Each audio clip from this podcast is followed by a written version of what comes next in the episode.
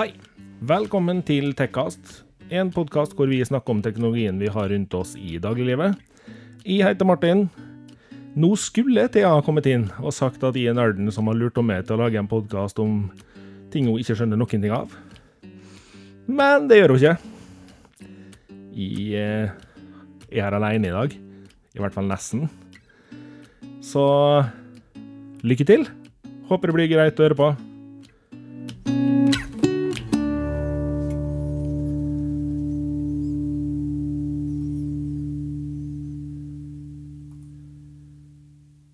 God dag, folkens. Eh, Jeg lyver jo litt når jeg sier at jeg er alene, men eh, det dere straks vite litt mer om. Eh, Dere som har fulgt oss en stund, skjønte jo i løpet av introen her at det her var ikke en vanlig intro. For første gang i historien så har det blitt sånn at en av meg og Thea måtte kaste inn håndkleet. Thea er dessverre stemmeløs, og da er det jammen ikke enkelt å spille inn podkast. Så jeg vil ønske Thea god bedring, og fikk beskjed av Thea om at de måtte hilse til dere lytterne og si at eh, hun kommer sterkere tilbake. Jeg vurderte jo litt derfor om vi skulle gjøre denne episoden her alene i dag, men eh, dagens tema er sånn at jeg føler at det kan være greit å ha med ei jente slash dame. Og når man først skal finne folk å ha med, så er det av og til man må tenke litt på hvilke folk man tar. Og jeg har tilfeldigvis kjent ei utrolig trivelig jente siden barnehagen. Og hun er til og med vant til å ha med mikrofoner å gjøre. Så da måtte jeg bare spørre henne, og hun var jammen ikke hard å B, så velkommen til det, Silje Hagen. Og tusen takk for at du stilte på så kort varsel. Tusen takk for at du vil ha meg her. Jo, absolutt, altså. Kan ikke du si noen ord om deg sjøl, sånn at lytterne våre blir litt kjent med deg? Jo, det kan jeg gjøre. Um, jeg heter Silje Hagen, og jeg er født og oppvokst i Molde, akkurat slik som du. Vi har jo som sagt kjent hverandre en mannsalder pluss pluss. Yes. Um, ja. Um, jeg er vokalist, sanger. Jeg har egentlig bodd borte fra Molde helt siden jeg gikk ut av musikklinja. Uh, fra Molde videregående. Uh, ja, kjapp recap, så var jeg med i aller første sesongen av Idol. Fikk, kom ganske langt og fikk platekontrakt og heiv med på den store popstjernedrømmen. dro over til United States of America og spilte inn album. Kom hjem igjen, slapp singel. Um, hadde eh, god suksess med den. Um, og så traff vi um, han som skulle bli pappaen til dattera mi. Så la jeg liksom mine ting litt på hylla mens uh, mamma-duties uh, overtok en stund. Uh, og så fast forward til hvor jeg er han i dag. Jeg driver fortsatt og synger, men nå har jeg liksom omskolert meg litt og jobber med markedsføring og lederutvikling. I tillegg til at jeg fortsatt synger, og har nylig, faktisk så nylig som i august i år, flytta tilbake til Molde by. Og det er jeg kjempefornøyd med. det er bra, vet du. Mm. Det er jo litt artig at folk kommer tilbake igjen til byene sine. Eh, jeg vet ikke hvor mange jeg kjenner her fra byen som sa vi skal bort herfra så fort som mulig, men som fortsatt er her i dag og har kommet tilbake både én og to ganger, flere av dem. Ja, ja jeg eh. for min del trengte litt mer luft under vingene enn det på en måte jeg, eh, enn det jeg fikk i starten der. Men når det er sagt, Molde ligger liksom i blodet, eh, og det er ufattelig fint her. Eh, du har ja, du har den friske lufta, du har fjella, du har, eh, du har stemninga, Og for min del familie og nettverk, så det var ikke en vanskelig avgjørelse å ta å komme hjem igjen. Nei, det er en nydelig by å komme hjem til, det er det. Mm. I dag har vi hatt sånn funky væropplegg. Ja, det har vært bare... så tåkete nede i byen. Ja, bare... Og så dem som for og sprang på fjellet, de fikk det helt perleklart. jo, det er bare å sjekke hvem som helst sin Instagram-feed, så yes. ser du den tåkegreia. det, det var mye Insta-feeds på det i dag, altså. Mm -hmm. Så nei, det var kanskje noen som stussa litt når de sa at på dagens tema ville jeg gjerne ha med ei jente slash dame. Og det vil du fordi de har svart belte i shopping, det, Martin. ja, jeg tror det, altså. Uh, og når dagens tema er netthandel, mm. da er det ganske naturlig å ha med noen som er flink på å shoppe, altså. Mm. Og um, det er jo ikke til å stikke under en stol at eh, mannfolk og kvinnfolk har litt forskjellige måter å handle på. Nei. Eh, kanskje ikke alle er like der, men eh, i, i, i sin helhet så tror jeg vi kan si det sånn at det er ganske store forskjeller. Mm, ja. Og det er jo på sin plass at vi slipper episode 21 nå bare noen få dager før Black Friday. Og da Vi i Norge har jo raskt adoptert Black Friday. Eh, det er et konsept som amerikanerne starta med Amerikanerne eller canadierne, litt usikker. Eh, og i Norge så har vi jo til og med gjort om til Black Week, Ja. hvor eh, butikker og nettbutikker har salg og kampanjer hele uka. For så å ha Black Weekend. Og Black Friday og lørdag og søndag blir jo da weekend.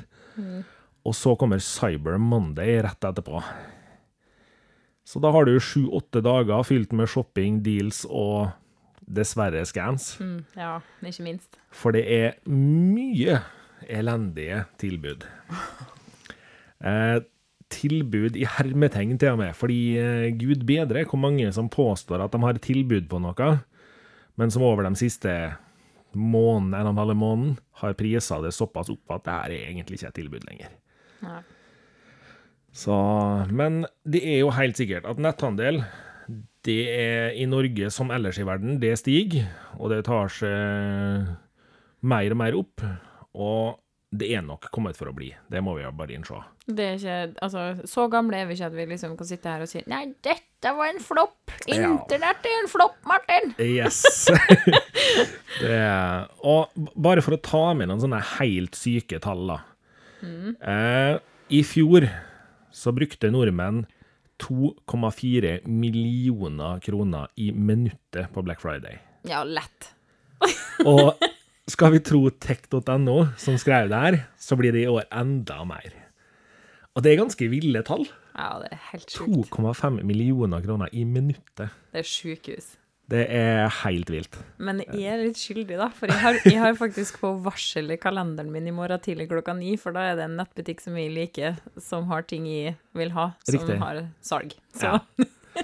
Men da er jo du en av dem som Du har danna deg en mening om hva du vil ha, og du veit at da kan du følge med om det du vil ha, blir på salg. Ja, jeg vet jo, jo fullprisen, Ja. og hvis de prøver seg på noe kødd For det må jo, altså for meg, da, Black Friday kan du bare gå og ta deg en bolle med, hvis ikke det er mer enn 50 rabatt. Ja. Og du har nok av dem som dessverre sitter og tenker at Black Friday, vet du, da, ja, nå skal vi kjøpe julegaver og sånt. Og så glemmer de å tenke på prisen på julegavene når de sitter og handler. Så kanskje han onkel Oskar får eh, noe til 600 kroner, som egentlig du ville kjøpt for 150-200 til. Og så glemmer du av at de, resten av de pengene opp til 600, de er der, de òg. For du tenker bare på hva du har spart. Ja. Og man har jo ikke spart hvis man kjøper noe som er langt dyrere enn det man egentlig har tenkt til. Altså, når jeg kommer hjem med ti poser om å legge ting bakerst i skapet med lappen på, så, og jeg blir busta på det, så må jeg jo ha fokus på de tusenlappene jeg har spart, Ja. ikke det jeg har brukt. Men da er spørsmålet Har du da hatt en plan om å kjøpe det her lenge likevel? Vet du hva, sånn spontanshopping, nei, det er aldri. Men nå, nå må jeg liksom eh, ta min litt her, da, for det gjør ikke jeg ofte. Men det er jo et veldig kjent fenomen. Det er jo det. Og det er jo forska på hva det er som gjør at vi handler. Det kan vi sikkert komme tilbake til. Men, eh, men eh, ja, det er mye interessante komponenter i nettopp dette. Og det fins faktisk eh, vitenskapelige forklaringer på de ti posene. Nei, for det, det er jo en, dessverre sånn at det er veldig mange som ikke tenker over at når de sitter og klikker rundt på internett i løpet av eh, Black Weekend og Black Week og Black Friday, så glemmer de av at mye av de spennende tilbudene de finner, er ting de egentlig ikke har planer om å kjøpe i starten, Riktig. men de ser at det er en god pris, og så tenker de ja, men da kjøper vi det. Ja. Og da begynner spørsmålet å bli, har du da egentlig spart penger? Fordi hvis ikke du trenger å kjøpe produkter i store deler, men du kjøper det likevel, da kan du spare så mye du egentlig vil, uten å egentlig ha spart noe. ja, det er riktig. Så, og der er det jo, altså, nå begynner kanskje mange å stusse på, det her er en teknologipodcast, hvorfor skal vi ikke prate om netthandel i seg selv, for det er jo ikke en teknologi. Jo, i aller høyeste grad. For det er bygd opp av teknologi, og det er så mye teknologiske løsninger i det at eh, det er absolutt interessant. Ja, det er alltid fra måten de når oss på, til måten vi legger inn betalingsinformasjonen vår på, og hva vi legger igjen av personopplysninger, eh, for å begynne på eh, toppen av isberget. Ja, for det med personopplysninger er jo en sak som ekstremt få tenker over. Ja, kanskje litt flere, nå som den nye loven har kommet. Ja, eh, forhåpentligvis, hvis ikke folk bare trykker 'ja da', OK, for å få vekk den der ruta. Det er en ny boks å klikke i. Ja, fordi det er jo ikke til å stikke under en stol at alle bedrifter som sp- sprer reklame på Facebook og VG og sånne ting, de er ute etter informasjon om det som person. Facebook, det her er det jeg har snakka om før, Facebook er et sosialt medieplattform som er gratis, fordi du er produktet. Brukeren av Facebook er et produkt som Facebook videreformidler til sine kunder i reklamebasis. Og klart at kan ja, La oss bare ta et teit eksempel. Kan Elkjøp i Molde nå 1000 stykker i Molde med reklame på Facebook, så er den 1000 stykkene de har nådd der, er mye mer effektivt enn å nå noen få via den der avisa de sender i postkassa, som de fleste bare kjører rett i papirsøpla. Og det er jo noe folk glemmer litt av. Fordi når man da, både når man handler og når man sitter og leser sponsa reklame på nettet, så blir man jo tracka. Ikke nødvendigvis du som person, men ID-en til produktet du sitter på. Det vil si at de har en indikasjon på at profilen min, for eksempel, har vært inne og sett på noen typer produkt, og dermed så får jeg mer spissa reklame til den type produkt videre. Og det tror jeg de fleste har vært borti. Ja, jeg har jo blant annet eh, ikke Altså, jeg har jo et vennepar i Oslo Ja. som bestemte seg for å teste hvor alvorlig det der faktisk er. Mm. For en av de tingene du takker ja til når du laster ned f.eks. diverse sosiale medier, er jo å frigi mikrofonen din. Ja. Eh, disse to venn, altså, i det venneparet her, de er allergikere og er ekstreme på kostholdet sitt. Mm. Men de bestemte seg for å legge telefonene i nærheten, og så begynte de å snakke om å skaffe seg katt. De snakka utelukkende om katt, kattemat, kattebørster, kattevitaminer, katteditt, kattedatt. Mm. Og det tok ikke mange timene før inn i Facebook-feeden deres så dukka det opp tilbud på kattemat. Yep. Så litt, litt scary. Litt Ja, spooky. det er litt scary.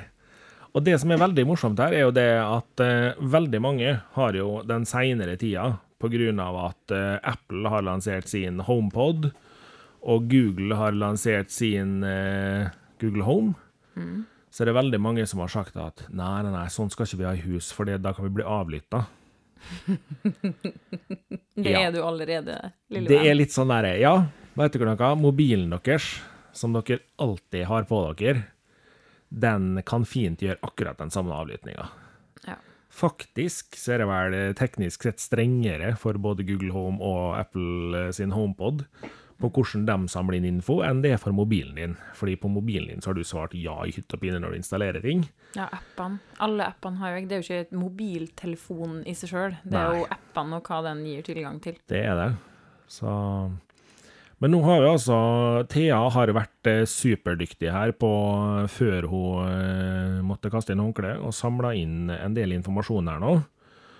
Og det er ganske sprø tall når du begynner å se eh, For Thea, og det Thea er veldig nysgjerrig på, her, da, er jo litt hva gjør egentlig netthandel med folk, og hva gjør det med næringsbiten i byene vi bor i. Og norsk netthandel i utlandet omsetter jo for noe helt sinnssyke beløp. Det er jo faktisk å bli litt mørkredd av. Ja. Fordi eh, når du begynner liksom å komme borti sånn 18 400 transaksjoner under 350 kroner, ja. så har det Det er jo i 2007. nei 17. I 2012 så var det samme greiene var altså 4270. Ja, 4270 versus 18 440. er Ganske radig økning der, da. Ganske heftig økning, altså. Mm. Og så har du netthandel mellom 300 og 1000. Der er tallene ekstremt lave. De starta i 2012 på 231, og har variert litt sånn her oppover, og sank faktisk. De var jo egentlig I 2016 så var det 142, og 2017 har de ikke fått noe skikkelige tall på det på enda. Men du, det her er psykologisk, vet du, Martin. For at hvis du skal ha denne kjolen til 1700 kroner, som du sparer 200 kroner på ved å klikke det til utlandet, men så kommer det på frakt. Ja, ikke sant? Og jeg skal fa... Um, jeg skal ikke banne.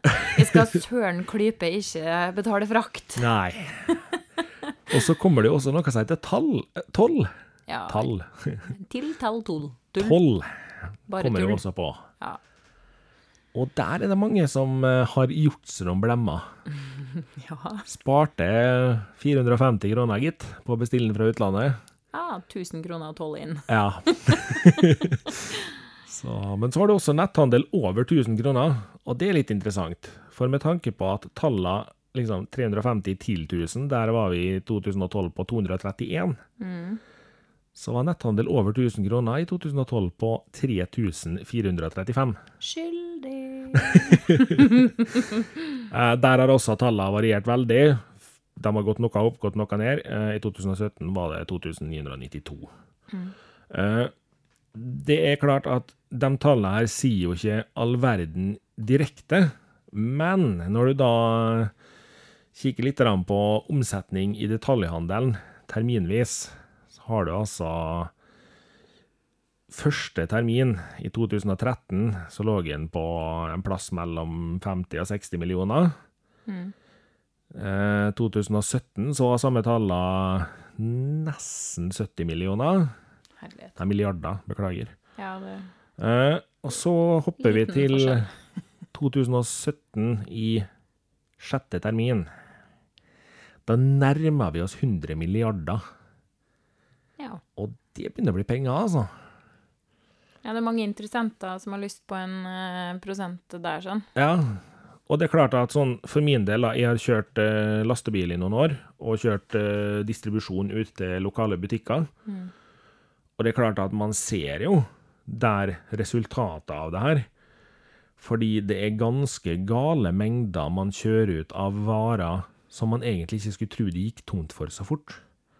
Mm. Eh, Du kjører altså ut tonnevis med klær hver eneste uke. Ja. Du kjører ut noe inn i hampen med kosmetikk.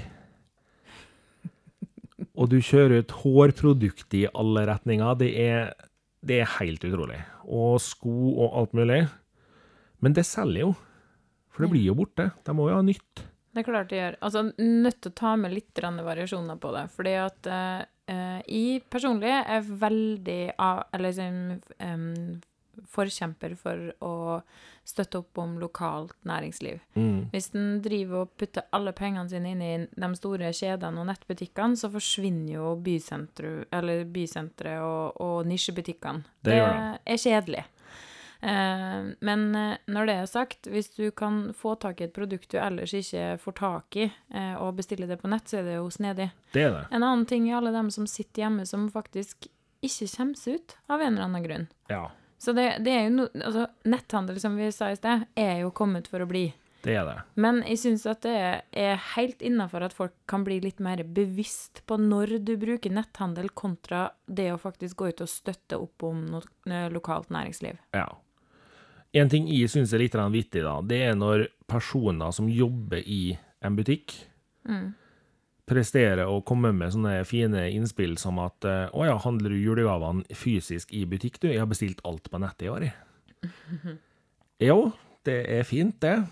Da bør de nesten slenge på at det er fordi at jeg står i butikken, så jeg Ja. rekker ikke å handle sjøl. altså, jeg tenker, det er mange her som bør tenke. Eh, bestilles alt på nettet hele tida, så vil de fysiske butikkene dø. Og det er ingen hemmelighet at flere av dem som jobber i butikkene, frykter for arbeidsplassene sine. Og spesielt, som du sier, på små nisjebutikker. i mindre områder, mindre byer. For bare her i Molde så har vi noen sånne små nisjebutikker på ting. Og vi er ikke en kjempesvær by. Og hvis folk begynner å bestille alt de finner i nisjebutikkene direkte fra internett isteden, og kanskje spare seg en sånn Spare en hundrelapp der, en hundrelapp der Ja, noen hundrelapper i besparelse er penger, det. Men spørsmålet er er det verdt å miste nisjebutikkene for det. Nei, det er det jo ikke. Definitivt ikke. For det er jo eh, Hvis du skal liksom ende opp med en død by med bare kjøpesenter med store kjeder, og hvis du skal ha noe som helst til en anledning der det, det kreves et litt mer spesielt produkt, så må du legge inn at du skal vente på postgang eller Ja. reise langt. Så sier det seg sjøl at det er ikke supersmart. Det gjør det absolutt. Men det nisjebutikkene og en liten tankekors kan bli eh, Kunne ha vurdert å bli flinkere på, det er jo å henge med på utviklinga. Mm. Nemlig at det er ikke om å gjøre å liksom være anti alt som skjer. Eh, bare stå alene liksom mot strømmen og stormen og, og skulle Altså, om du legger opp varene dine på nett, slik at flere når det og ser det, så er det, det er ikke en uting, det. Nei. Klart, jeg skjønner jo den biten med at kanskje ikke alle sammen klarer å ha en faktisk nettbutikk. Nei, Men nei, om men du, du, har varene på nettet i dag Det er masse plattformer for det. Ja. Det Og det er jo klart at Veldig mange tror jo at netthandelen kommer til å ta livet av alle butikkene. Nei, det gjør Eh, det ikke. Det gjør det ikke. Eh, Og dagens ungdom, dem som er noe yngre enn Tekkast-personene, spår jo at vi kommer til å se en ny oppblomstring i sentrumshandel og butikkhandel. Og det skjønner jeg godt at de spår, fordi amerikanerne de la ned Rått og Røte for noen år siden. Det forsvant så mye klesbutikker og så mye forskjellig, sånn at store kjøpesenter sto helt tomme. Det var kanskje én eller to butikker i hele senteret som var åpent. Og nå i dag så begynner de å åpne igjen, altså. ene etter den andre begynner å åpne igjen. Ja, For det er klart, det kan være kult å bestille ting på nettet, men på et tidspunkt så roter du noe på buksa di rett før du skal ut. Og så ser du på klokka, er butikken er åpen ennå. Det er mye enklere å springe på butikken enn å begynne å vase rundt på nettet og tro du skal få ei bukse på en time. Martin, du vet du kan vaske klærne dine. Eh, Jo, men eh, la, la oss si at du, du søler på den ene skjorta du måtte ha den dagen. sant? Ja, greit. Du kan springe og kjøpe en ny svart skjorte. Ja. Eh, det, altså, det er jo bare ett eksempel, da. Ja. Eh, og klart, er du ute på handel, eller du er ute med ungene dine, og så ødelegger du noe du har på deg, så er det mye enklere å springe inn i en butikk og kjøpe en ny av det produktet, enn å begynne å bestille det på nettet. Det ja, klart. du har en ny en hjemme, eller en tilsvarende en hjemme du kan bruke imens, men det er lettere å springe og kjøpe en ny, og da kan man jo begynne å snakke om bruk- og kastsamfunn, ja, men dem som springer og kjøper en ny en når det blir ødelagt, dem hadde bestilt den uansett. Ja, men det, det er en helt annen diskusjon, for Ja. da, da snakker vi om liksom gi videre og, og bruk og gjenbruk og Fretex og hele bøtteballetten, eh, hvilket er utrolig viktig å ta seg bruk av, eh, og, og alltid passe på at uh, ting som er brukbart, går videre til dem som kan trenge det. Ja. Men eh, tilbake til temaet rundt det å trenge butikker. Det er jo ikke bare i de tilfellene. Nå er det ikke ofte at du på en måte søler på det eller ødelegger plagg i en slik eh, skala at du er nødt til å springe inn og kjøpe nytt. Det kan være at du skal på noe. Det kan være at du har gått kraftig opp eller ned i vekt. Du, du, du, du trenger å kunne komme inn i en butikk og bli møtt av et smilende servicepersonale som er der for at du skal føle deg vel når du går ut igjen. Ja. Kjøpsopplevelsen i det du mottar service, det er så utrolig viktig. Det er det. Ehm, den er, jeg vil si, uvurderlig. Eh, og her i byen er det mange flinke som står parat til å hjelpe eh, oss handlende kunder, også nå inn i det, ok, Vi snakker om Black Friday, Black Week, Black Weekend, men vet du hva, enda større? Førjulshandelen. Ja. Det her er jo ikke bare en helg eller ei uke, det er jo hele november og hele desember. Boom, så kommer det seinere åpning, nattåpent, eh, kundekvelder left, right and center. Hele handelsstanden dirrer, for det de drar inn nå som månedene her, det skal de kampe seg gjennom de her mørke månedene i januar-februar, når de kommer med sånn krampe januarsalg og februarsalg Ja. og sånne ting. Alt sklir jo bare over i salg, salg, salg, salg. Så når er det egentlig nødvendig å kjøpe noe som helst til eh, ordinær pris Ja. lenger? Det er klart, du ser jo dessverre det, at det er blitt så mye salg at folk veit jo ikke engang hva standardprisen på et produkt er lenger. Jeg tror nesten ikke kjedene sjøl veit hva standardprisen er. Og kunden har heller ikke respekt for den prisen. Nei. Det er mange som går inn, ser et plagg. Der er jeg faktisk skyldig sjøl. La oss si ting som kanskje er høyt oppe på prisskalaen. Skalaen. Mm. En ytterjakke eller et eller annet sånt der nå. Så tenker man i sjanse på at den kommer på salg. Ja. For dette var et litt for stort innhogg i, i lommeboka. Og så sånne ting sånn som været kan de de ikke styre. Det er masse yttertøy og vintertøy nå på, til lave priser rundt om i butikken, fordi at istedenfor å ha null og minus to grader, så har Ja. vi pluss ti. At de får ikke solgt ut de mest sj- robuste vinterjakkene. Nei. Nei, det er jo absolutt eh, morsomt å se hvordan det egentlig er blitt. Fordi Morsomt og trist på en gang, egentlig. Mm. Hvor lite respekt vi egentlig har for prislappen som står på produktet. Mm. Og det er ganske mange tinger som spiller inn på den prislappen, egentlig. Så at vi er blitt så vant til at det er salg hele tida, Mm. At vi aldri tenker over hva originalprisen er tatt i betraktning for, det er litt trist. Jeg kan jo ta et uh, eksempel her da, Martin. Uh, hvis du klikker inn på en av disse mest kjente billigsidene uh, Du har jo liksom plattformene sånn som eBay og, og, og Amazon videre. Mm. Men det har jo dukka opp en app til uh, som de aller fleste, i hvert fall i min omgangskrets, kjenner godt til. Og det er Wish. Ja. Eh, på Wish så kan du klikke hjem ting gratis, du betaler bare frakt. Eller det kommer sånne latterlige 1, 2, 3, 12, 24 kroner for ting som vanligvis koster flere hundre i butikken. Ja. Når du kjøper da og klikker hjem en genser til 7 kroner, gratis frakt, Mm. det er hele næringskjeder som går glipp av penger. For det sitter noen i et eller annet land et sted som har konstruert den genseren. Ja. Så er det noen som skal pakke den genseren. Så er det noen som skal frakte den genseren inn til en eh, sentral. Og så skal den flys eller båtes eller biles videre. Og så skal den leveres i posten til det. Mm. Det koster ikke sju kroner. Nei, det går ikke an. Nei. Det, og det er jo klart at der er det jo kommet inn en sånn bit som eh, Det er noen helt syke transportavtaler som er ute og går. Eh, Kineserne har jo fått konteinerpriser, der de fyller hele konteinere, og så mater de den konteineren på skipet og sender den til det landet den skal til, og får en fornuftig pris på hele den konteineren. Da har de råd til å ta slikk og ingenting for produktene, for å få konteinerne fort av gårde. Jo fortere de får dem av gårde, jo bedre er det for dem.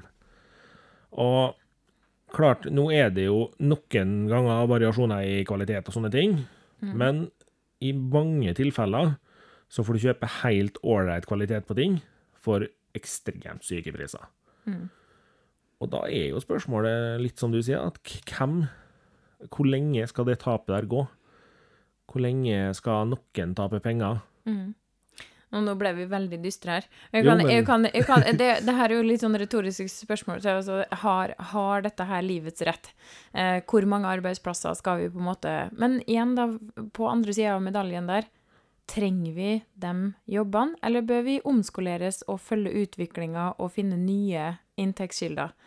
Eh, er det mulig å stoppe stoppe internett, for å si det sånn. Stopp internett, de vil av. Ja. Um, men jeg har en liten positiv input, da. eh, som kanskje er mer relevant til kanskje det casten her er om, nemlig teknologi. Mm. For er det én ting Black Friday er suverent til, så er det jo å selge elektronikk. ja. Hvis du heter Olga Marie og er 79 år og skal ha deg en ny mobiltelefon, så er det ikke nødvendig med den nyeste Huawei-en eller Nei. nyeste iPhone eller sånn. Det holder i massevis å ha den som alle som selger den, har lyst til å bli kvitt. som de legger på Black Friday-tilbud for en slikk og ingenting, eller masse rabatt, Mm. da er det helt ypperlig at den varen kommer til en person som har bruk for den, til en knallgod pris. Ja. Og her har vi jo det, og det gjelder jo egentlig all type elektronikk som stadig skiftes ut av mote, farge, oppgraderinger etc., etc. Mm. Så jeg vil si at eh, det, det fins fine ting med, med Black Friday og salg og, og, og internetthandel også. Definitivt. Jeg, jeg bruker netthandel til eh, en del, eh, som jeg på en måte ikke rekker over gjennom å gå og handle i fysiske butikker. Og elektronikk er én av de tingene. Mm. Mm. Og der er det jo, når vi snakker om elektronikk, så er det jo også sånn at eh, veldig mange i dag føler det at det å gå inn på Elkjøp og skulle kjøpe noe, det er et sabla mas. For idet du kommer inn døra, så kan det hende du har bestemt deg for en TV-modell du vil ha. Du har bestemt for at denne LG-TV-en, den skal du ha. Så går du bort til selgeren, han spør skal du ha hjelp. Ja, jeg skal ha den og den LG-TV-en. Mhm. Garantert at han sier OK, men jeg har en enda bedre en. Ja, men de lever jo av meg, Charles Jo, Martin. Altså, du men- trenger ikke være rakettforsker. Han mener jo godt. Jo, han, Han vil jo det. at du skal gå ut med et eh, produkt som du blir superfornøyd med. Men, så er det jo litt sånn, da. Sånn som for min del, som har drevet med foto lenge. Ja. Så er det det der med at hvis de går på Elkjøp, og så sier jeg at eh, jeg har lyst på et Canon 7D MK2, så sier han på Elkjøp ja, men jeg har eh, Canon 5D også. Den nyeste versjonen av det. Som er et kamera til liksom 30 000 mer, eller enda mer enn det òg. Og så sier jeg ja, men jeg trenger ikke det kameraet. Og da legger jo han fram en hel haug med funksjoner som er så fint og flott med den 5D-kameraet isteden. Mhm. Eh, for min del så kan jeg nok om fotoapparat til at jeg ville jo da sagt at nei, vet du hva, jeg trenger 7D MK2-en i. Det er det jeg skal ha. Men eh, personlig da, så ville jeg aldri i verden ha gått på Elkjøp for å kjøpe meg fotoutstyr. Nå syns jeg du er stygg med Elkjøp som eh, merkevare her, Martin. Nei, eh, altså, Eh, ikke ta Elkjøp Ja, under én. Ja, nei. La, okay, okay, la, Jeg har fått mye kyndig hjelp av Elkjøp til å unngå de største tabbene. I, altså, du sitter vi to i helt motsatt ende av skalaen i, i forhold til, til kunnskap om, om eh, en diverse elektronikkartikler. Jo. Jeg har opplevd å gå inn på nevnte elektronikkjede og fått strålende service og unngått et bomkjøp. Jo, det Fordi at de liksom skulle, skal ha lest meg opp på nett først, og liksom Ja, jeg skal ha den. Og så bare Nei, men hva er det du skal bruke det til? Og da står det faktisk fagfolk der som jobber med dette her til daglig, og som, sikkert bru, og som også gjerne da bruker produktene sjøl, og som kan komme med helt øh, valid reasons for Jo. hvorfor du skal velge dette istedenfor det. Og det er en verdi.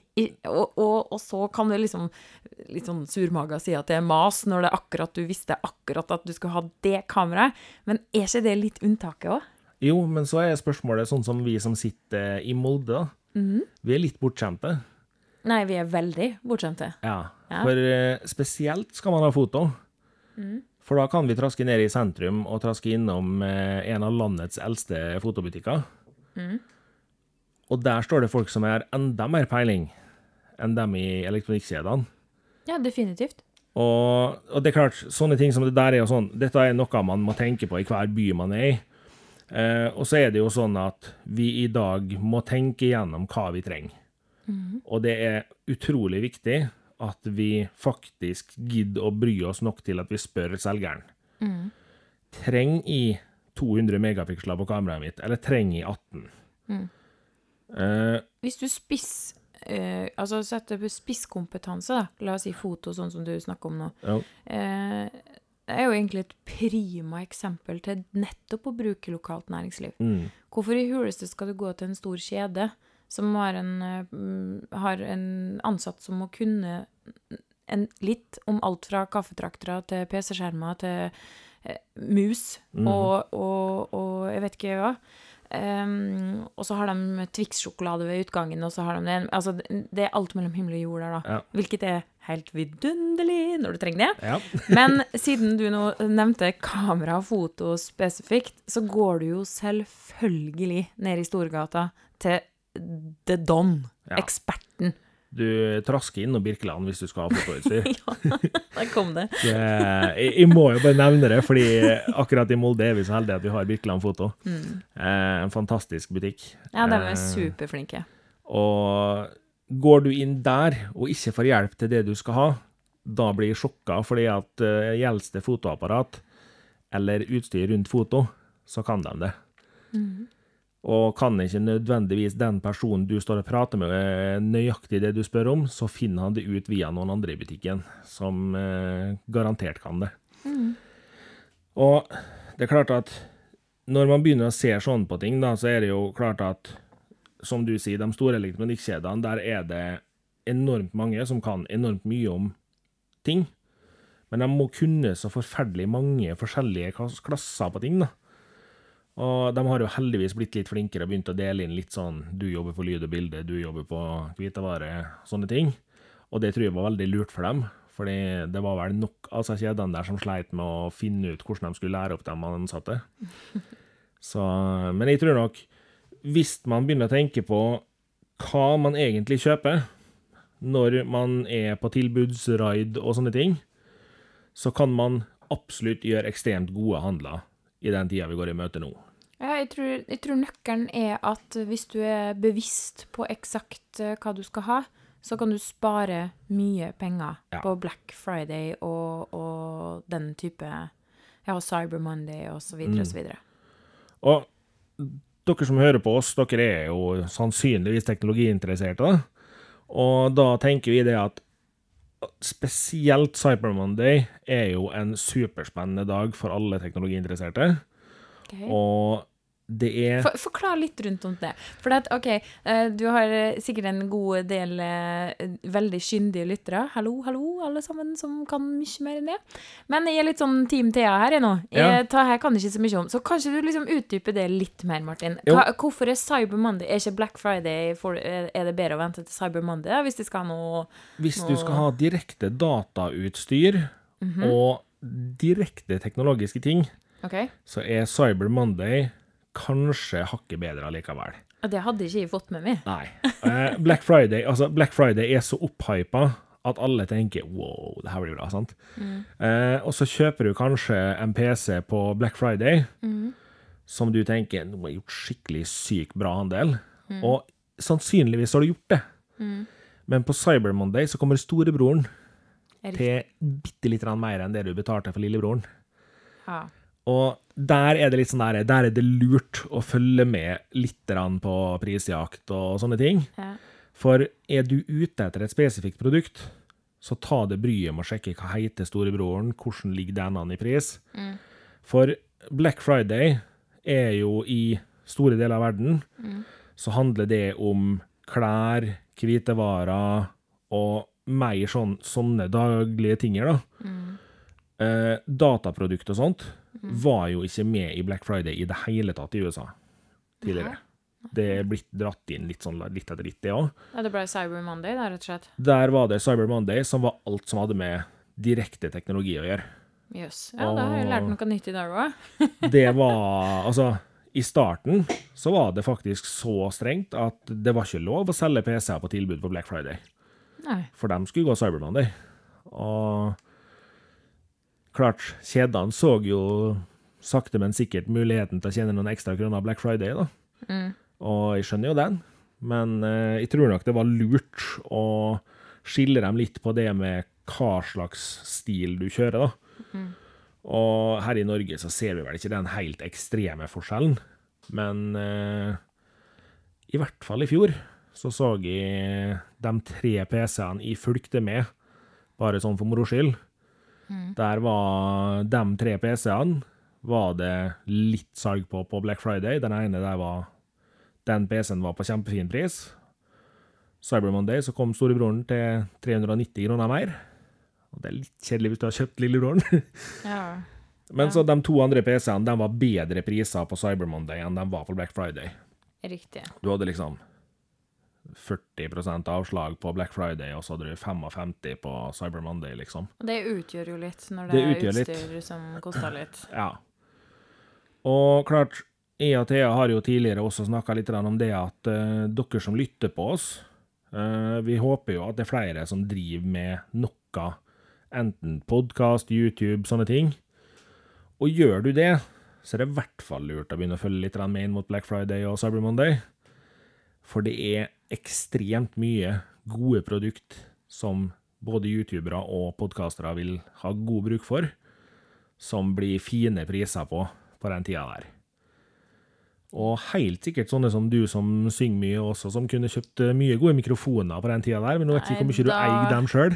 Da da går jeg heller til Foursound eller noen Ja. eh, her. For det er en ting som du eh, Igjen, da. Dette med lokalt næringsliv og ekspertise og sånt, uansett en god pris. Men har du bestilt det fra en eller annen nettbutikk som går konkurs neste uke, så er er det jo løpet kjørt i forhold til å få noe support. Ja. Eh, hvis de legger 20 30 40 50 000 i utstyr som vi skal reise rundt med, så skal jeg ha en partner på support på det òg. Absolutt. Eh, så, så på akkurat den type ting så hadde det ikke vært aktuelt for meg Og, Nei. Å bruke internett, rett og slett. Nei. Oi, jeg føler meg ut som 80 år. jeg vil ikke på internettet! Eh, altså, der, er jo vi, der er vi veldig enige. Um, vi har jo til og med hatt besøk fra en kar som jobber på Forsound der. Mm. Og det er klart, den verdien Forsound i Molde gir i hvilken butikk det er, Mm. og hva slags eh, kompetanse de sitter på og alt sånt, den er gull verd for folk som driver med det her. Ja, det er jo vurderlig, for at du får hjelp til å velge riktig produkt ut ifra ditt bruksområde fra Ja. en person som bryr seg om at du skal ha en god opplevelse når du står og bruker butikken, eller bruker produktet. Ja. Fordi den sterkeste formen for markedsføring, uansett hva du gjør Du snakka tidligere om at en Facebook-annonse når eh, har et større nedslagsfelt enn en, en annonse i, i lokalavisa. Ja, helt klart. Men hvis jeg skal ha noe, og la oss si at jeg, jeg våkner i morgen og bestemmer for at jeg skal bli fotograf. Eh, hvordan kamera skal jeg ha? Og hvem kjenner jeg som driver med foto? Jo, jeg kjenner Martin, eksempel. Eh, vil, og du La oss si kontra at jeg åpna avisa den dagen, eller har tenkt å snakke om foto, og bom, blitt eh, Ja. og får opp en, en, en targeta ad på det. Eh, klart når de plukker opp telefonen og ringer det og spør eh, du, jeg har lyst til å ta bilder, og jeg vil mainly jobbe ute. Eh, da har du plutselig tre-fire gode råd til meg, og så sender du meg i en butikk. Er 90 større, eh, som med 90% større sannsynlighet så vil jeg gå og handle etter ditt råd kontra noe som helst markedsføring som kastes vilkårlig i ansiktet på meg. Ja.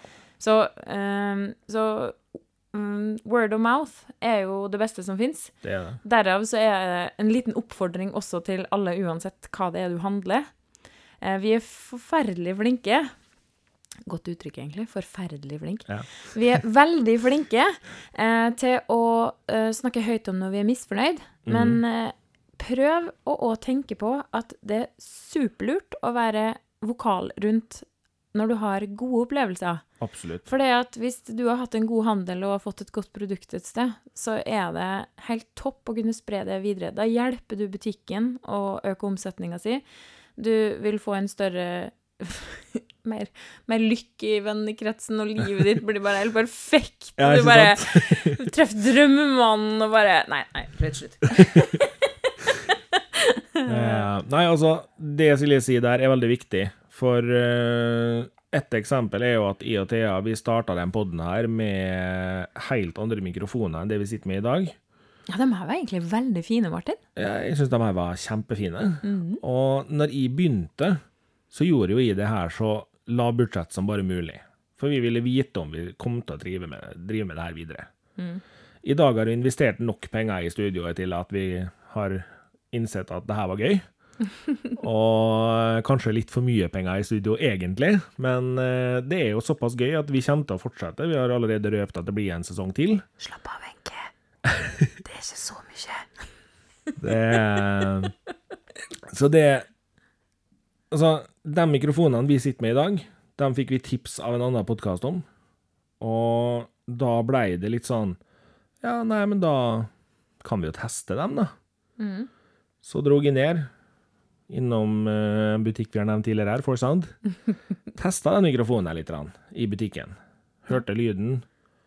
Ja, det her eh, syns jeg var fint. Og det å da kunne investere i en mikrofon som du veit at du syns lyden er grei på, det er kjempegreit. For å bruke penger på noe du veit at du kommer til å være fornøyd med, er mye enklere enn å kjøpe noe du ikke er helt sikker på om du blir fornøyd med. Ja, da er liksom ikke tilbudsprisen så viktig hvis du ender opp med å kjøpe et produkt og så måtte ut for å kjøpe et nytt et likevel. Nei, det Og klart, sitter man der på uh, Cyber Monday og ser at uh, noe man har tenkt lenge på å kjøpe, som man ikke finner her i byen, så for guds skyld slå til. Men uh, er det ting du er usikker på om du har sjekka alle butikkene på om det kan være fornuftig å dra innom og prøve ting, så gjør gjerne det isteden. Du skal ikke se bort ifra at butikkene du møter, kanskje til og med gir deg en god pris, dem òg, hvis det er at de har muligheten til det. Ja, Det finnes muligheter av og til. absolutt. Eh, og blir man god kunde, så er det mye enklere å komme innom og være misfornøyd med noe òg. Det har man opplevd. Viktig for en moldenser å alltid kunne være litt misfornøyd. ja, det er riktig. Litt sånn kronisk misfornøyd, egentlig. Yes. Så Ikke jeg, da. Ikke du? Stort sett alltid smilende, glad og fornøyd, du. Født blid. Ja. Det, kan de nesten skrive under på. Ja. Det, eh, vi har jo, som eh, våre faste lyttere er vant til, eh, episodens topptek. Mm. Der har vi dag Hva er det? Ja, du, det er altså der I og Thea enten kommer med et direkte produkt vi syns er tøft. Mm. Eh, vi har snakka om eh, Philips Hulight, som er LED-lys som styres eh, via mobilen. Vi har snakka om Google Home. Snakka om PlayStation Pro. Mm. Vi har snakka om veldig mange sånne duppedingser. Vi er glad i duppedingser. Ja. Og når det at jeg inviterte Silje i dag, så var jo Silje første tingen hun sa, var eh, Du spør ei som ikke er teknologisk anlagt i det hele tatt. Med, jeg modifikasjoner, altså. Jeg kan Jo. faktisk øh, Men det er jo liksom sånn Det er jo litt av kjernen i vår pod. Mm. den blei starta fordi jeg hadde lyst til å jobbe om teknologi. mm. Og så kjente jeg Thea godt nok til at jeg turte å si Thea, hør på det her litt. grann». Der Thea bare med en gang sa Martin, du snakker langt over hodet på folk. Det her går ikke an. og fikk dratt melene litt ned på jorda, og det var bare lurt. Fordi det er klart Å sitte og snakke om teknologien bak mobiltelefoner når ingen skjønner hva du sier, det er kanskje litt dumt. Det, det, det, det faller ned på at folk trenger ikke å vite hvordan. Det trenger bare å funke. Ja. Um, noe sier meg at du har iPhone. Enhver romsdaling med respekt for seg sjøl har iPhone. Nei. Jo. Det, um, men det er en annen Vi må dessverre avbryte denne podden idet det bryter ut eh, slåsskamp i studio. Nei da, det, det skal gå bra. Uh, nei, så Men når jeg introduserte Silje her for Toptech i stad, så nevnte jeg bare sånn i forbifarta et produkt som Silje ble litt nysgjerrig på. Ja. Og det er Raspberry Pi. For det første så høres det jo deilig ut. Ja. det her er altså en eh, såkalt singleboard computer, Eh, hæ? som er en hel PC som er lagt inn på ett programkort. OK.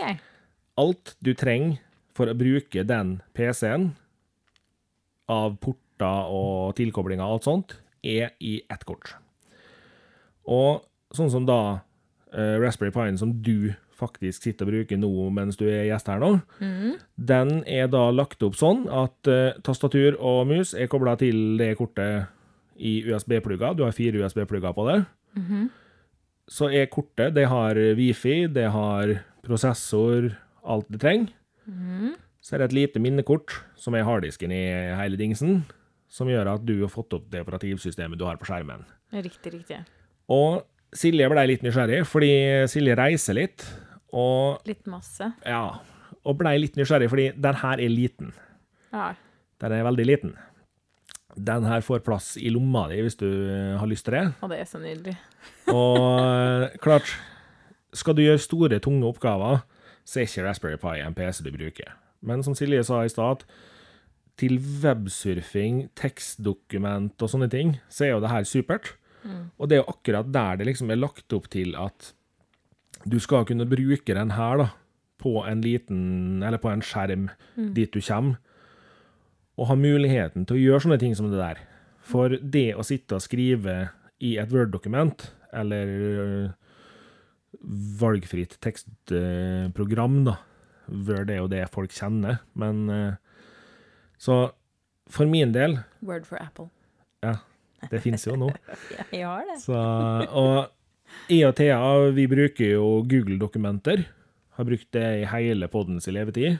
Ja, Da har du rett og slett solgt hele sjela di til Google, da. Ja. Som eh, blei dømt til milliarderstatning for å selge alle OK, vent, da. Nå, nå blir vi avlytta av eh, amerikansk etterretning. Du Ja, vet det. men det Altså, for å si det sånn, If you hear me, det tror jeg har vært lenge. I'm innocent.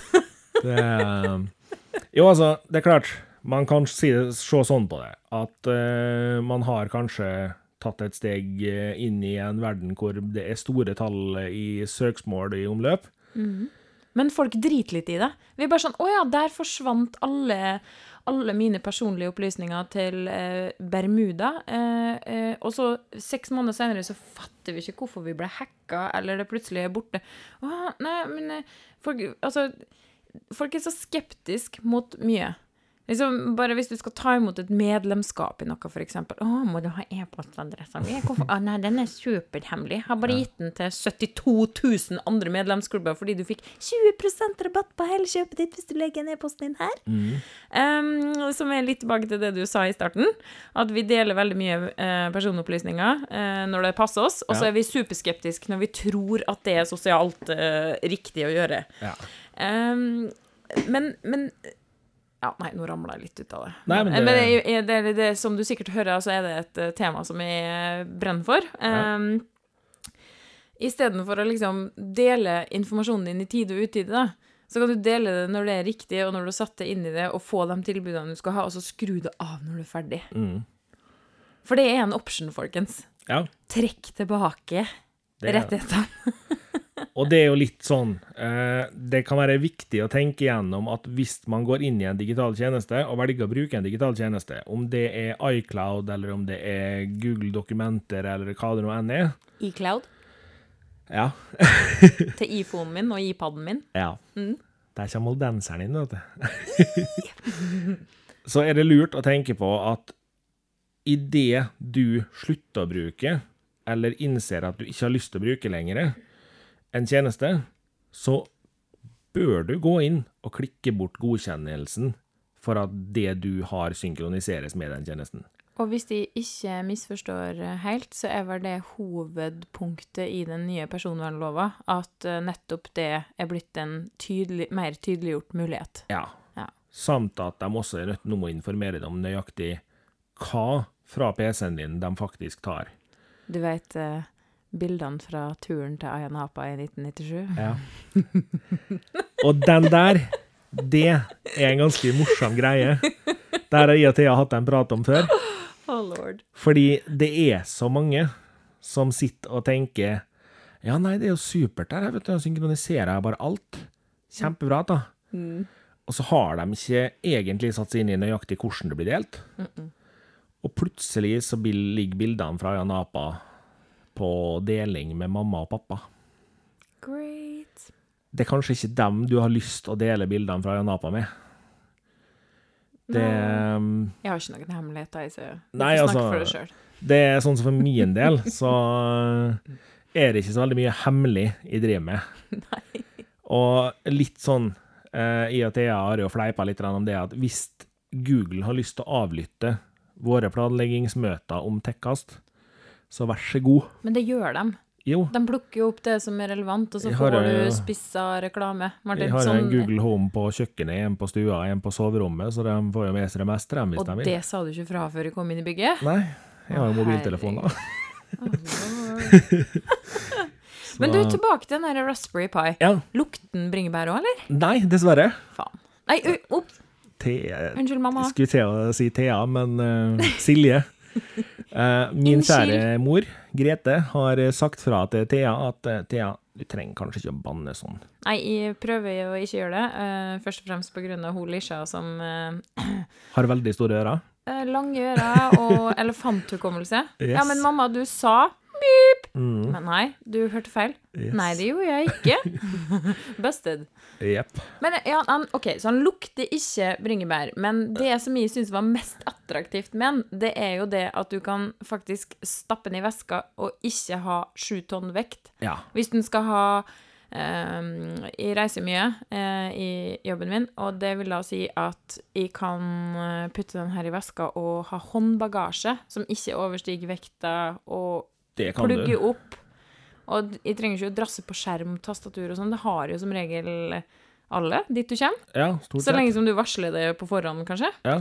Og da bare plugge inn den nydelige lille eh, bringebærboksen din, Yes. og da er du oppe og står på helt basic ting. Da har du Du kan sette opp den her sånn som du sjøl vil. Du kan egentlig ha tilgang til absolutt alt du trenger fra den. Mhm. Eh, og den modellen du sitter med nå, den har uh, wifi og alt innebygd, så den uh, fungerer helt som en vanlig PC. Snedig. Bare at den har da litt svakere prosessorkraft og sånne ting. Men det er jo helt naturlig. Den koster ikke 400 kroner engang. Hæ? Vent, vent, vent. Hva, hva Spol tilbake. Sa du nå at den her Raspberry Pi koster 400 kroner? Den koster ikke det engang. Den Mm. koster under 400 kroner. Seriøst? Jepp. Men eh, hvorfor vet ikke jeg noe om den her? Nei, det kan hende det kommer litt inn under det du sa tidligere, her, at du var ikke spesielt eh, interessert i all teknologi. Jeg er interessert i rabatt og billige priser. Ja. Eh, du skal faktisk få høre nøyaktig hva den koster. Det trenger du ikke, for nå har jeg sagt Raspberry Pi så mange ganger i mikrofonen din som er kobla til Google-dokumentet, at det kommer veldig fort opp i newsfeeden min. Ja, ikke sant? Eh, den modellen du sitter med der nå, har faktisk steget til 403 kroner, så du er rett over 400-lappen. Men det er jo røverpris!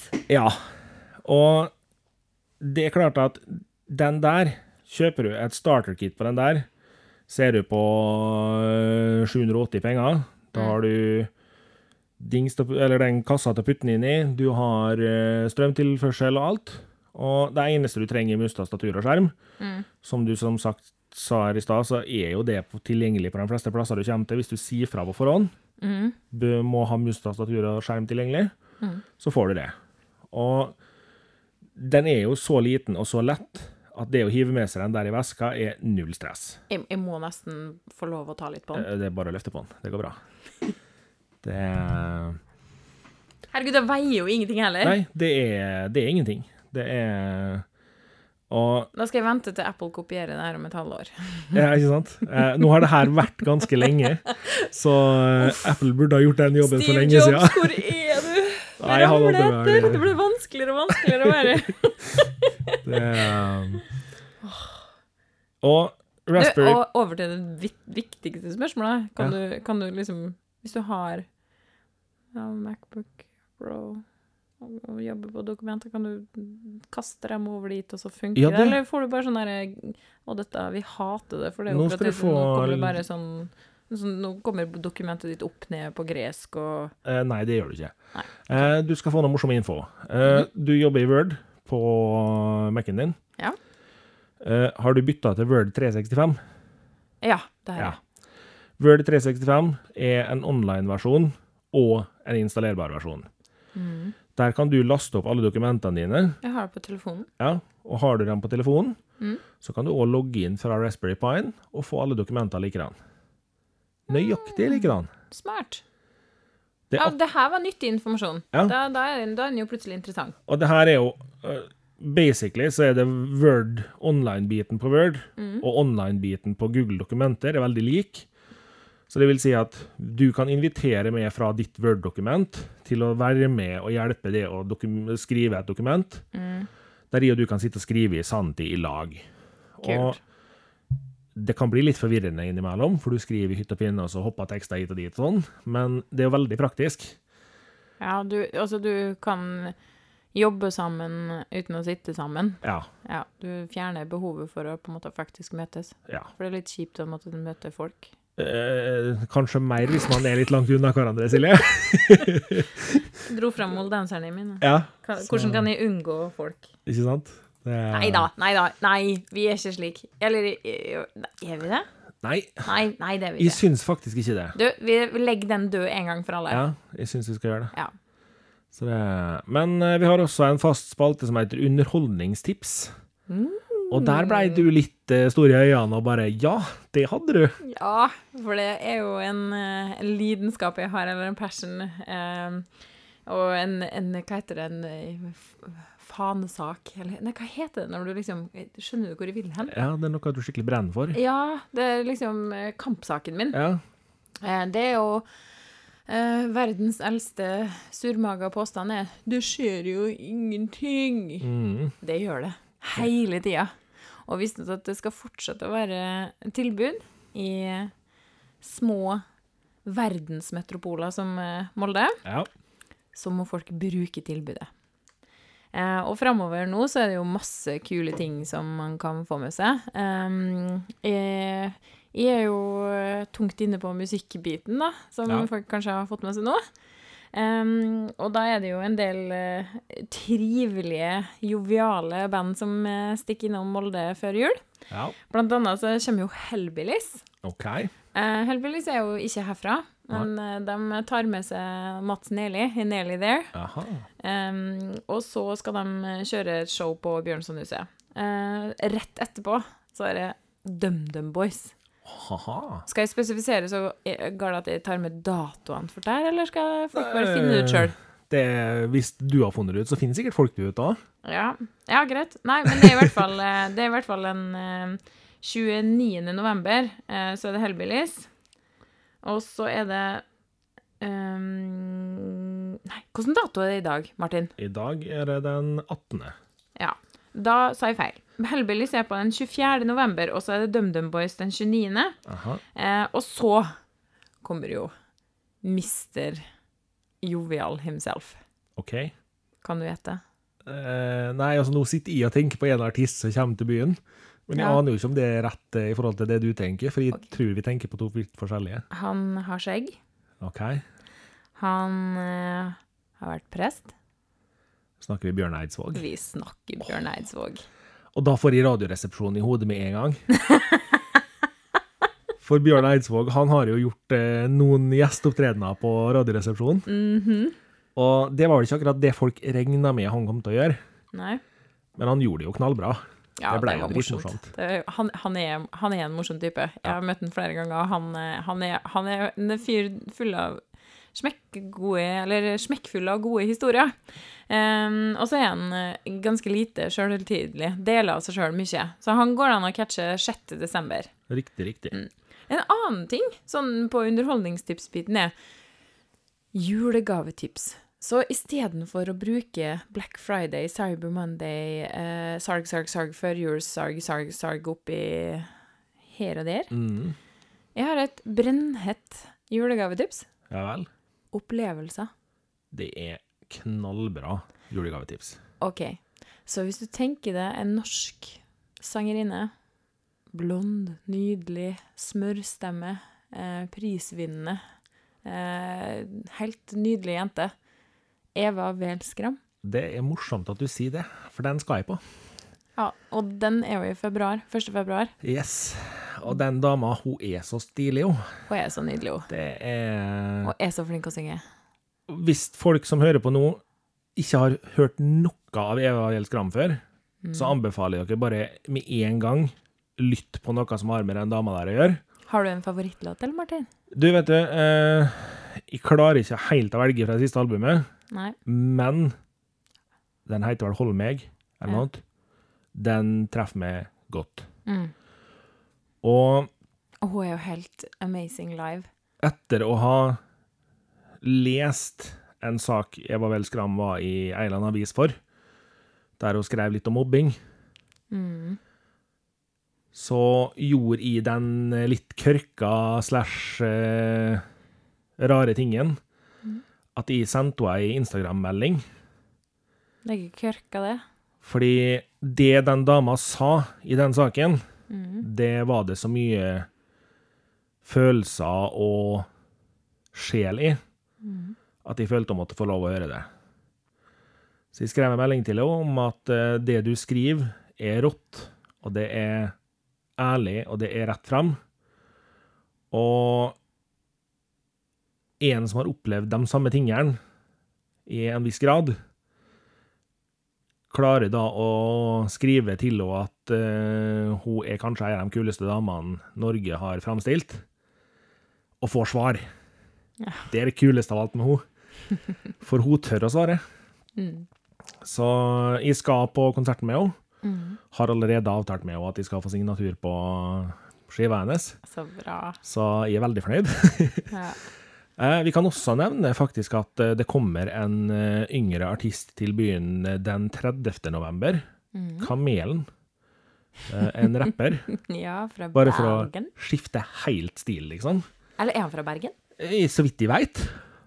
Er ikke det det her eh, rappkollektivet Jeg har enkelte venner nå som kommer til å drepe meg for at jeg ikke vet det, men eh, du, du får google kjapt. Så. Det kan hende vi blir skutt begge to nå. Jeg tror jo han er fra Tror han er fra Bergen. I, altså, jeg, setter ti, ti penger på Bergen. Jeg tror ikke jeg skal prøve liksom å sette imot det. Så Men eh, så vidt jeg veit, så er det liksom Finner du det, eller? Nei! Nå kan du ikke si 'så vidt jeg veit' flere ganger. Nå må du faktisk finne svaret Ja, her. jeg sitter liksom og scroller som en gal her og bare Men eh, hva skjer med kamelen på Wikipedia? Ikke, går ikke det? eh, Kamelen Instagram. Det må vel stå der hvem, hvor han kommer fra, eller? Det var feil. det er Gud. Med tanke på navnet hans, så tror jeg kanskje ikke han kommer fra Bergen. Jo da. Norsk rapper fra Bergen. Ja, ja, ok, ja, ja. Altså Han Kan- heter jo Ja, selvfølgelig heter Markus. Hallo, jeg leste bare resten av navnet, vet du. Mm. Det, det er dårlig av meg. men han kommer jo også. Eh, vi må jo ta med flere sjangere her, liksom, siden man først var i gang. Ja, ja, definitivt. Og så er det jo eh, Det har jo vært mye endringer i bybildet i Molde. Mm. Eh, så, så de store liksom konsertscenene, eller utelivskonsertscenene, er jo på en måte borte. Ja. Men da er det greit å merke seg at det er utrolig mange fine opplevelser som blir intime og nydelige nede på Syd, f.eks. Riktig. Der er det gå inn og like Syd på Facebook, så får du opp når det kommer arrangement, og der er det krydder hele tida. Ja. Alt fra litt større etablerte navn og til artister som er up and coming. Ja. Det, de har jo et konsept som heter Nakenonsdag, eh, og der er det viktig å være kjapt ute med å kjøpe billetter, for det er ikke mange plassene. Og da, det, men der er det, det er nesten sånn at du sitter oppå artistene og hører dem eh, spille. Det er jo en ganske kul opplevelse. Ja. Det er... Nå var jo jeg så heldig at jeg eh, var og tok bilder på en konsert du hadde. Ja vel, ja. Og der man eh, Når man som fotograf ser man jo gjerne litt nesten oppå scenen, og om ikke faktisk på scenen eh, noen ganger. Ja. Og det blir litt rart å være så nærme den som står og framfører ting. Mm. Man føles jo litt i Nei, men det- eh, man er jo der for å gjøre noe, og da er det jo gjerne sånn at man må jo bare være litt i veien. Du, man er så, når du står på den scenen, så er du så opptatt av jobben din at det skal mer til enn en fotograf for å, for å forstyrre det. Ja, det er nok sant. Eh, jeg fant også eh, en eh, sak som jeg bare må nevne, Mm. fordi jeg vet at min kjære far eh, har fantastisk trua på den konserten her. Mm. Og det er 'Christmas with Nordic Tenors' Å ja. på Bjørnsonhuset. Mm. Det Nydelig. Kan også være verdt for folk å få med seg. Mm. Det er Ja, definitivt. Altså, det er mye kulturtilbud i den byen her fortløpende. Det er bare å åpne øynene og, og finne. Det er jo det som er det, Vi drukner i informasjon Ja. i dag. Så det er ofte litt utfordrende for eh, de stakkarene som prøver å arrangere ting, å og komme gjennom støyen. Eh, og så sitter forbrukeren og tenker det skjer ingenting, og arrangøren tenker «Eh, vi får ikke fram informasjonen. Nei. Og så ender de kanskje litt sånn dårlig oppmøte på enkelte arrangement, og da tenker artistene hit gidder vi ikke å komme tilbake igjen, for der skjer det ikke noe. Eller her er det jo ikke noe liv. Så, så, så bruk byen. Og det gjelder, det gjelder både konsertopplevelser, det, treng, det gjelder lokalt næringsliv, det gjelder egentlig alt. Mm. Og ja, jeg veit at enkelte av tingene som foregår, sånn som f.eks. Bjørnsonhuset og teatret vårt, Mm. det blir arrangert av forskjellige arrangører, og dermed så kan det være litt vrient å finne nøyaktig informasjon om ting. Men veit du hva du ser etter, så Mm. er det bare å google det. Stort sett så finner du den infoen du trenger når du googler ting. Mm. eller søker på ting. Trenger ikke nødvendigvis være Google du bruker. Men eh, alt jeg visste, er borte nå. Men eh, heiteste og, og underholdningstipset fra min side, det er i hvert fall å bruke byen din, og bruke konsertene og de eh, opplevelsene som, eh, som blir stelt i stand for Molde-publikummet. Det er absolutt gode underholdningstips. Og julegavetipset til Silje også. Selv kjøp opplevelser til folk. Ja, kjøp Eva Wels Gram-konsert. Det er fantastisk. Det, det må faktisk sies å være et av årets beste julegavetips, altså. Ja, du, du, nå tror jeg kanskje du er litt eh, inhabil, men, Eh, jo, eh, kanskje. men eh, det er vel kanskje jeg òg, så da, da, da er vi i Er ikke sånn at minus og minus blir pluss? Jo, jeg tror det. det. Og nå var jo vi også så heldige at vi besøkte We Escape i Molde for Åh! en liten stund siden. Det har ikke jeg kommet med til ennå, det har jeg lyst til. Og det er så konge. Er det artig? Ja, det er helt sjukt stilig. Jeg trodde ikke mine egne ører når jeg hørte at Nei. Escape Room var kommet hit. Det er helt nydelig. Ja. Så der òg, julegavetips. Ja. Opplevelse. Molde kino var vi jo intervjua her for noen episoder siden. ja. Også verdt eh, kinobilletter. Er- Alle er jo på kino innimellom. Ja, vet du hva, Det må jeg si siden jeg har flytta hjem til Molde, og med ei lita på fem år. Ja. Jeg har ikke gått så mye på kino i. Altså, det siste året som jeg har gjort på ti år, sikkert. Nei, og det det, er- Molde kino er prima! Helt fantastisk. Og koselige folk er det der nede. Jeg må bare jeg har en liten innvending. Syns disse her, eh, største popkornbøttene er litt for store. Eh, Du blir sittende og spise veldig mye popkorn. jeg har fortsatt popkorn igjen i stua fra forrige kinotur. Ikke sant? Hvis noen har lyst til å komme og spise det opp, så Ja. Og med det så tror jeg vi rolig begynner å avslutte. Nei! Det her var jo så koselig! Ja, Du- Silje, du skal få lov å komme tilbake hvis du vil. Oh, yeah. Men da må Thea være her òg. Ja, vi må håpe på det. Du, jeg har en liten sånn Jeg har en liten tips til Å nei, Thea! Te, sitron, ingefær, masse chili og hvitløk. Der fikk Thea tips til å få igjen stemmen. Musikken er av Nick Insanity, mastra og fiksa av eh, Underdog Productions. Sjekk dem ut på Instagram og Facebook. Vi høres igjen om 14 dager. Ha det bra. Ha det bra.